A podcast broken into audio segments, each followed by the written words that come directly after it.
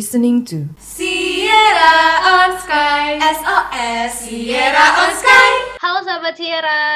Wow akhirnya gue bisa siaran lagi bareng sama sahabat Sierra. Kita bakal sharing-sharing nih. Gimana kabarnya sahabat Sierra? Semoga di mana pun sahabat Sierra berada sehat terus. Dan jangan lupa kalau misalnya mau keluar-keluar jaga protokol kesehatan ya. Balik lagi di sini bareng gue JJ Dan di sini kita akan membahas special episode Karena kita kedatangan tamu spesial. Yang pasti gue nggak sendirian Karena gue ada tamu nih dari pulau entah berantah gitu kan ya dari jauh banget dari Bogor dan uh, kita akan ngebahas hal-hal seru bareng dia. Oke, kalau gitu gue langsung panggil aja. Halo Razan. Halo JJ. Oke Razan, boleh nih kenalin diri dulu dong nih kayak sahabat Sierra udah pada kepo. Oke, perkenalan ya kali ya. Oke, kenalin teman-teman, sahabat Sierra, nama gue Razan, Muhammad Ibnu Rahman Razan, lengkapnya. Dari Bogor juga sebenarnya, emang asli Bogor, Bogor Tulen. Tapi gue mahasiswa psikologi UNS, yaitu di Provinsi Jawa Tengah, di UNS gitu ya, di Solo. Gue angkatan 2019 sama kayak JJ juga ya, J. Terus abis yep. itu jabatan gue di Himapsi jadi manajer komite gitu, manajer komitenya ketahanan internal lembaga gitu. Berarti Himapsi itu himpunannya jurusan psikologi psikologi ya, Zan? Ya, himpunan mahasiswa psikologi. Oke, ini karena kita sangkaran berarti it's okay kita gue elu gue elu lah ya. Oh iya jelas, gak apa-apa dong J. Oke, okay. ternyata tadi udah ngenalin dari Pulau Anta Branta, ternyata orang Bogor Tulen juga nih sahabat Sierra. Nah, kesibukan uh, Razan belakangan ini nih apa aja sih sebenarnya waktu lagi pandemi-pandemi gini? Oke, okay. kesibukan gua selama pandemi mungkin karena gua lagi handle satu event ya namanya Archetype. Jadi itu tuh bakal ada pameran seni atau exhibition art bernuansa psikologis gitu. Dan kesibukan ya kesibukan layaknya mahasiswa himpunan lainnya lah gitu lah. Terus kesibukan belakangan ini tuh untungnya nggak banyak kayak waktu tahun pertama J. Jadi mahasiswa dulu kan ada tuh namanya demam maba kan. Apa-apa dibeli apa-apa diikuti gitu ya. Jadi kayak kalau berkaca dari situ beruntung juga sih bisa survive dari tahun pertama gitu loh. Nah kalau JJ gimana kesibukan J? Sama kah kalau gue, kesibukan gue sibuk nggak ngapa-ngapain ya, nggak deng. Gue juga ada kepanitiaan juga beberapa di Himasiera yang pastinya nanti akan dipromosiin setelah kita ngomong tentang self love ini. Dan juga ya dengan drakor-drakor dan hobi-hobi gue yang lain ya, biar kita juga refreshing gitu. nah, uh, Razan, seperti yang kita tahu nih, seorang Razan dari psikologi nih kira-kira gitu kan. Kalau di flashback flashback lagi kenapa sih lo ngambil jurusan psikologi? Ada nggak sih alasannya gitu?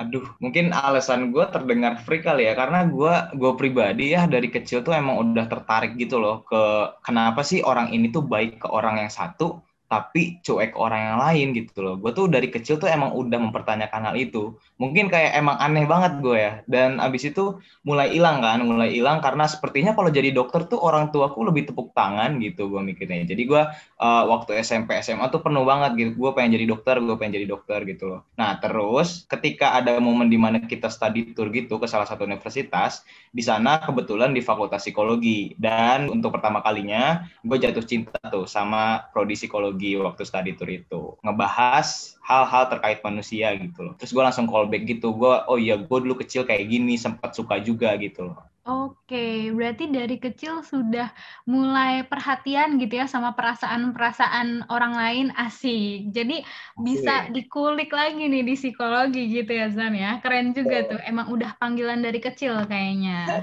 Bisa dibilang kayak gitu.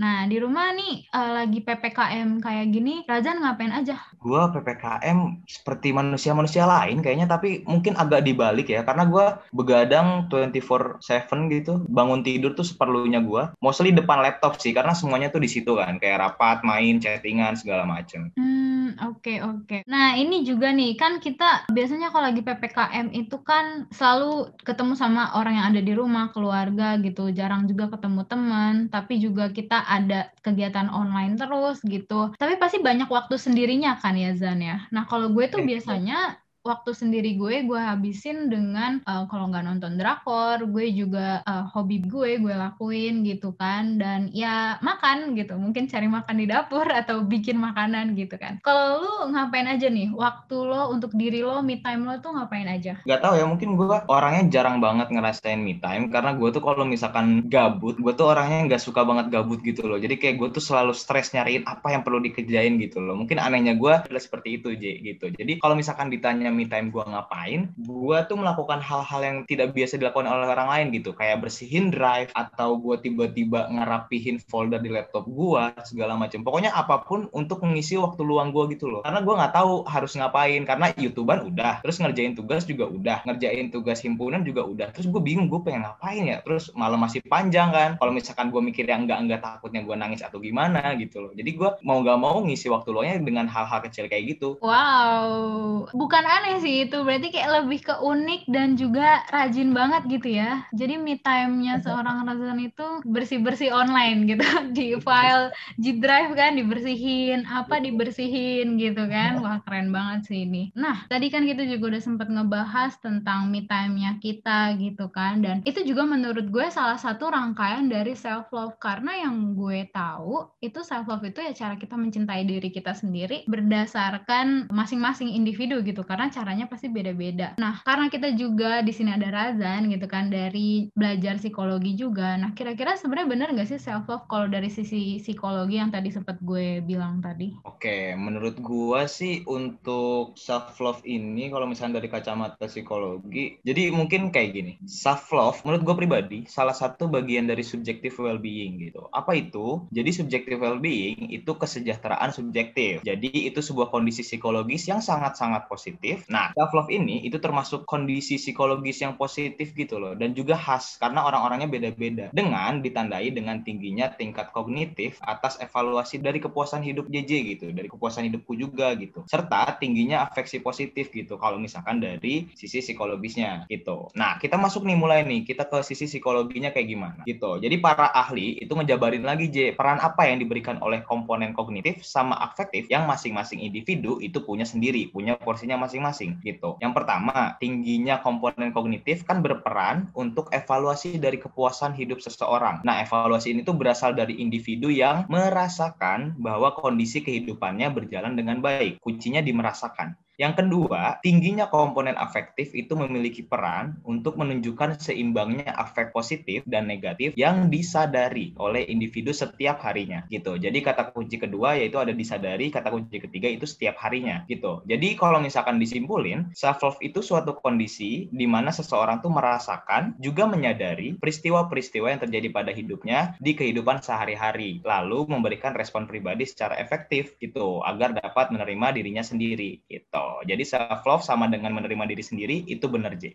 Wow, berarti setidaknya apa yang gue pikirin ternyata masih di jalan yang benar lah ya, Zan ya. Betul, betul, betul. Oke, okay, kalau gitu, tapi kadang juga gue ngerasa gini loh, Zan. Kayak misalnya nih, ada juga pasti sahabat Sierra yang ngerasa kayak, kita bahkan gak ngapa-ngapain aja tuh, bawaannya pengen ngasih sesuatu gitu buat diri kita. Dan ujung-ujungnya malah foya-foya ngabisin uang kita. Misalnya mau beli apa gitu kan, di online kan apalagi kita cuman modal klik aja gitu kan, ya udah gampang datang ke rumah sendiri gitu. Terus juga, uh, kita tuh nggak ngapa-ngapain gitu, nggak melakukan hal yang emang berguna dan juga ya emang bener-bener cuman lagi gabut lagi rebahan aja terus ngasih gitu ke diri kita. Itu sebenarnya apakah bagian dari self love juga atau gimana Zan? Oke, mungkin ini lebih ke cara sikap kita gitu ya dalam menanggapi self love itu sendiri gitu aja ya. Iya benar banget. Oke, jadi mungkin gue pernah baca di sebuah paper gitu Nah, pas gue baca, gue tuh nemu gitu suatu fun fact di dalamnya gitu. Nah, ternyata orang yang punya self love yang tinggi itu tuh udah pasti tuh hubungan sosialnya baik. Nah, kebalikannya, orang yang punya hubungan sosial baik itu tuh belum tentu punya self love yang tinggi. Mungkin kalau alasan dibalik itu dijabarin kita bisa sampai imsak kali ya. Jadi kayak intinya tuh kita semua tahu gitu kalau manusia itu sejatinya berkehendak sebebas-bebasnya kan. Jadi apalagi untuk sekedar cara bersikap dalam self love seseorang gitu. Tapi bebas itu menurut gue tuh punya dua rules gitu loh Rules paling utama yang harus dilakuin. Yang pertama tuh lakukan apa pun asal tujuan lu tuh ngebuat diri lu bahagia. Tapi jangan pernah lupain rules yang kedua, yaitu jangan melakukan apa pun kalau pada akhirnya merugikan seseorang. Mungkin dari contoh yang lu katain tadi tuh foya-foya gitu ya, lu bisa segala macem, lu boleh visi foya, misi foya, beli ini itu di all shop, tapi kalau pakai imani orang tua tanpa izin ya jangan juga. Kalau misalkan lu tiba-tiba nyesal beli itu ya jangan juga, malah ngerugiin diri sendiri gitu loh. Mungkin gitu, J. Berarti ya perlu juga kita pikirin gitu. Apalagi kita nggak berbuat apa-apa, emang lagi ngegabut aja. Dan itu bukan seharusnya kita nge-reward diri kita ya kan Zan ya? Betul, betul. Itu bukan reward karena itu bakal apa ya memberikan tingkah laku yang berulang lagi gitu. Bakalan beli lagi, beli lagi. Bener banget sih. Jadi kayak ketagihan gitu mau beli, mau beli, mau beli. Padahal kita lagi nggak ngapa-ngapain gitu kan. Nah itu kan tadi contoh beda lagi tuh. Itu contoh di mana kita nggak ngapa-ngapain aja kita sampai reward diri kita. Walaupun ya reward diri memang itu bagian dari self love gitu. Tapi kalau kita lagi nggak ngapa-ngapain ya jangan juga lah dikasih reward gitu. Nah kalau misalnya nih kan instastory tuh ngeliat orang-orang dengan begitu banyak kehebatannya, prestasinya, atau enggak dia lagi jalan ke mana, terus kayak kita iri gitu. Kayak kayak ya gimana ya iri gitu kayak, duh kok dia udah sampai sini sih, kok gue masih di sini gitu kan dia hebat banget deh. Padahal seumuran sama gue. Atau misalnya dia kayak, dia enak banget ya lagi ngopi di tempat estetik, gue jadi pengen deh. Apakah itu uh, bisa dibilang kita sedang mencintai diri kita atau enggak Zan? Karena bingung juga nih kalau misalnya kita tadi ngeliat yang misalnya yang lebih hebat dari kita gitu kan. Itu kan kita ada rasa-rasa kayak minder tapi ada pengen juga gitu kayak mereka gitu. Nah, itu bagian dari self love atau bukan? Oke, mungkin apakah keirian itu hubungannya ada dengan self love atau enggak? Pertama, itu hal baik karena kita aware sama diri kita sendiri dan aware kemampuan orang lain itu kayak gimana. Tapi di sisi lain, itu tuh merugikan diri sendiri loh sebenarnya karena untuk mencapai suatu self love tuh kamu harus bersyukur dan kamu harus menerima apa kekurangan kamu. Kalau misalkan kamu jatuhnya iri, jatuhnya insecure or something, berarti kamu tuh belum mencapai self love tuh sestandar itu. Bahkan nyampe standar pun belum karena kamu belum bisa menerima kekurangan kamu, belum bisa menyeimbangi kelebihan orang lain dan kelebihanmu sendiri itu berbeda, itu tuh belum diterima gitu loh dari dirinya sendiri. Makanya itu kalau misalkan menurut gua itu tuh self love yang masih di bawah standar, mungkin di bawah KKN kali ya. KKM sorry gitu. Oke, berarti bisa dibilang juga kayak insecure gitu kali ya. Jadi ngerasa nggak aman gitu, ya nggak sih Zan? Betul, merasa tidak aman dengan diri sendiri atas orang lain. Nggak boleh, J. Oke, okay. karena insecure berarti ada manfaatnya nggak sih kalau kita misalnya insecure kayak gitu? Tadi kan misalnya insecure sama orang yang lebih hebat gitu, ada nggak manfaatnya kalau kita kayak gitu kan? Oke, okay, mungkin kalau misalkan manfaat dari insecure ada juga, itu salah satu motivasi eksternal manusia ya. E, rasa iri itu pasti ada, tapi kalau misalkan keseringan jatuhnya nanti kamu nggak akan puas dengan apa yang kamu punya gitu. Mungkin berat banget ya, tapi ya jadi kayak gitu iris what iris. Kalau misalkan kamu menggunakan kelebihan orang lain atau pencapaian orang lain atas dasar motivasi untuk kamu berkembang, ya itu sangat-sangat diperbolehkan. Kalau misalkan kamu memakai rasa iri kamu, tapi atas dasar kamu cuma iri aja dan kamu merendahkan diri sendiri, ya itu yang jangan, itu haram sekali gitu. Oke, okay, bener banget tuh. Berarti emang sebenarnya balik lagi ke orang itu juga ya Zan ya. Tapi kalau misalnya kita lihat lagi nih, ngelihat lagi tadi apa yang kita omongin, berarti sebenarnya self love itu penting gak sih? Atau misalnya kayak sebenarnya apa sih yang bikin self love itu penting? Toh kayaknya tanpa self love juga kayak gue bisa aja deh ngejalanin kehidupan gue, kuliah gue, atau gimana Zan? Atau emang itu kayak salah satu yang esensial banget gitu dalam hidup? Wah, J, gue nggak bisa bayangin seberapa pentingnya self love bagi kita sih sebagai mungkin kayak sebagai era milenial dan juga era remaja sekarang ya. Karena itu penting banget sih untuk kita miliki gitu. Karena apa? Self love tuh membuat kita tuh punya tujuan hidup loh, J, gitu. Gue pernah ya lihat salah satu OA di Twitter gitu, kayak TXT dari bla bla bla gitu. Dia tuh ngepost kayak ada mural gitu, terus tulisannya Tuhan tidak menciptakanmu untuk cari uang lalu mati. Nah, kata-kata itu tuh bener-bener powerful banget. At least bagi gue pribadi ya. Karena tujuan hidup yang kita punya berkat self love itu tuh ngebuat seseorang tuh punya komitmen gitu loh dalam mengejar kebahagiaan ataupun ngejar kemuliaan gitu loh dalam hidup. Dan ujung-ujungnya kan mencapai kepuasan pribadi gitu kayak, wah gue udah bahagia, gue udah mulia, gue puas dengan diri gue pribadi gitu. Gue puas dengan diri gue sendiri. Atau itu bisa dibilang self love yang lebih tinggi lagi ke depannya gitu. Jadi makin kamu mengejar kebahagiaan, makin kamu mengejar kemuliaan, makin kamu punya tujuan hidup, makin besar gitu self love kamu buat diri kamu sendiri. Wow, penting banget ya sahabat Sierra. Berarti bisa nih dipikirin lagi nih sebenarnya gue udah cinta gak sih sama diri gue gitu. Karena sebenarnya itu juga jadi bagian kita buat kenal diri kita sendiri gitu kan ya Zan. Kayak ini gue sukanya apa, gue nggak sukanya apa, gue bisanya apa, ya gak sih? Hmm, betul, betul banget. Harus gitu, Je. Jadi orang. Oke, oke.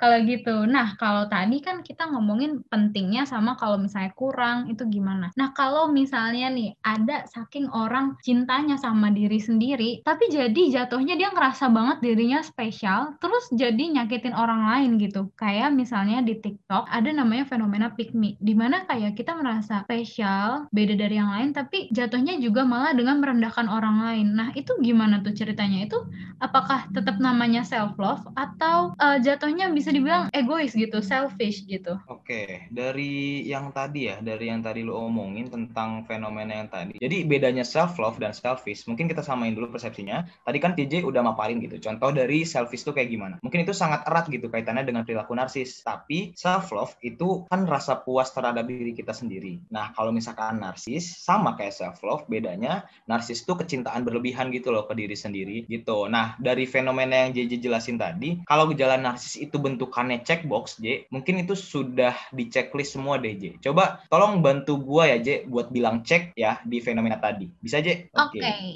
Jadi gejala narsis tuh yang umum tuh pertama, ada kecenderungan mengunggul-unggulkan diri sendiri. Ada gak? Ada, cek. Merasa dirinya teramat baik? Cek. Kagum pada dirinya sendiri, terus membutuhkan sanjungan dari lingkungan sekitarnya. Cek banget. Yang terakhir, tidak peka dengan kebutuhan atau perasaan orang lain. Cek. Ya, itu gejala selfish atau tindakan selfish gitu. Jadi pick me itu tindakan selfish. Gitu, Je. Oke, berarti jatuhnya sebenarnya self love itu juga bukan jadi tameng kita untuk menyakiti orang lain gitu kan karena kayak uh, alasannya aduh gue mau mencintai diri gue sendiri. Jadi kayak sorry-sorry aja ya hati lu perasaan lu gue sakitin gitu dengan gue ngerendahin. Itu juga no banget gak sih? Itu bukan self love banget kan? Big no. Oke, tadi kita udah ngomongin self love, ada insecure, ada pick me juga bahkan ada kayak selfish juga gitu kan.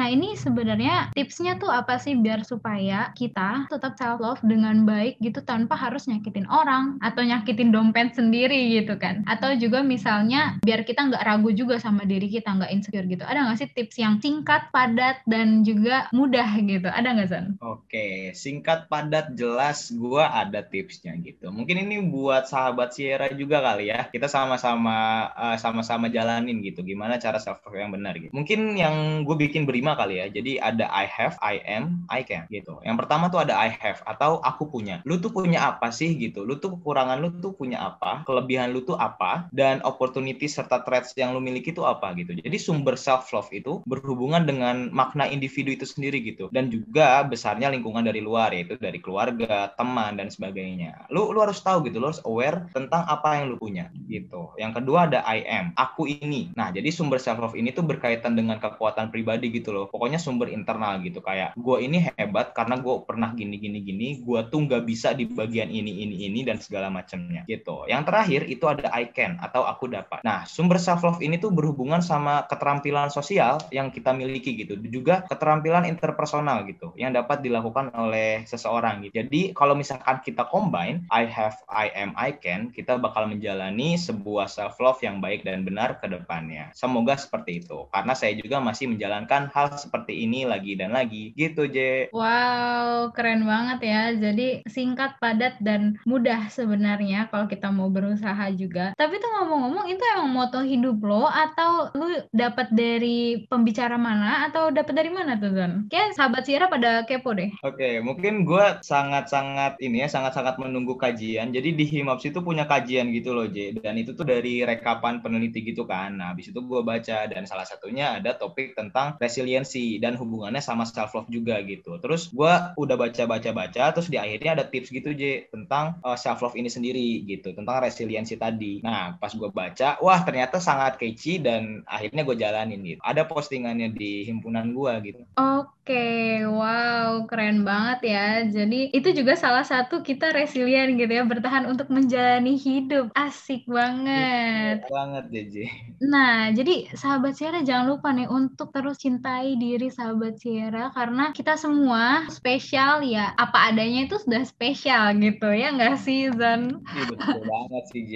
Oke, kalau gitu tadi kalau misalnya kita lihat-lihat lagi ke belakang apa yang kita omongin itu berarti self love itu ya caranya adalah kita harus ngerti situasi kita, I have, apa yang kita punya, keadaan kita gimana, I am, gimana sih kita tuh maunya diapain gitu, sukanya apa gitu, dan juga I can, apa yang kita bisa lakukan, dan misalnya seperti kayak keterampilan, ataupun juga yang kita bisa lakukan lah pada intinya gitu, biar itu juga jadi goals kita buat semakin kenal sama diri kita sendiri, gitu sahabat Sierra, dan juga jangan lupa nih untuk terus percaya diri, karena sebenarnya kita tuh juga nggak boleh insecure gitu, kalau insecure itu jatuhnya malah kita minder, ngerasa nggak aman terus, malah jatuhnya jadi negative thinking terus gitu sahabat Sierra. Dan jangan sampai juga nyakitin orang lain ketika kita udah ngerasa cinta banget nih sama diri kita. Oke, kalau gitu Razan makasih banget untuk waktunya gitu kan, udah mau sempetin nih sharing-sharing bareng sahabat Sierra. Nah, kayaknya sahabat Sierra mau tetap nih uh, keep kontak gitu kan sama Razan sama Himapsi. Ada nggak sih yang bisa kita lihat gitu mungkin Instagramnya mau dikasih tahu di sini Razan, boleh? Oke, boleh nih promosi di sini. Asik. Jadi mungkin teman-teman bisa cek aja gitu kajian-kajian mengenai psikologi dan juga dampak-dampaknya di psikologi underscore UNS gitu untuk OA besarnya Himapsi. Juga kalau misalkan teman-teman pengen tahu seputar stigma masyarakat gitu ya dan cara mengatasinya kayak gimana, langsung cek aja di archetype underscore UNS. Jangan lupa ya di follow ya sahabat Sierra. Uh, tapi juga kayak gue dengar ada ada podcastnya nggak sih? Namanya apa tuh Razan? Oke, kalau podcastnya sendiri Himapsi itu punya namanya Saikonvo, P S Y C O N V O. Saikonvo ada di Spotify. Oke, kalau gitu sahabat Sierra jangan lupa dengerin habis dengerin SOS langsung nih ke Saikonvo. Oke, kalau gitu. Nah, uh, makasih banget Razan. Nah, gue mau ingetin nih kalau di Himasera kita ada proker baru yaitu ngebahas tentang mental health. Namanya programnya Space Pick Up Egg and Care. Nah, keren banget kan? Pastinya tahun ini akan ngebahas soal sexual harassment. Jadi jangan sampai ketinggalan nih. Catat tanggalnya kalau Space itu akan diadakan di hari Sabtu tanggal 7 Agustus 2021. Informasi selengkapnya pantengin aja terus IG-nya Himasiera. Oke, nah sebelum kita benar-benar pamit, ada nggak sih closing statement dari Razan untuk sahabat Sierra? Oke, closing statement ya, mungkin ya gue gue pribadi sangat paham gitu. Untuk self love tuh sangat-sangat sulit sekali bagi beberapa orang dan sangat-sangat berlebihan bagi beberapa orang. And guess what? Satu-satunya orang yang bisa nyelamatin diri lu adalah diri lu sendiri gitu. Lu tuh hebat gitu, bisa bertahan dari rasa jenuh sejauh ini, gimana caranya dan segala macamnya gitu loh. Karena yang gue tahu ya teman-teman, jadi orang hebat tuh bukan dia yang mencari rezeki di awal pagi, bukan pula dia yang sampai pada bukit tertinggi. Orang hebat ialah yang apabila jenuh lalu gagal, tapi mampu bertahan satu hari lagi. Itu mungkin terakhir dari gue aja. Makasih teman-teman sahabat Sierra. Oke sahabat Sierra, thank you banget udah dengerin spesial episode bareng kita berdua, ada gue sama Razan. Dan jangan lupa sahabat Sierra buat jaga terus kesehatan dan kalau mau keluar-keluar juga jangan lupa buat jaga protokol kesehatan karena itu juga bagian dari self love. Oke, kalau gitu jangan lupa dengerin terus episode SOS selanjutnya dan dadah. Thank you for listening us. Share this podcast to your friends.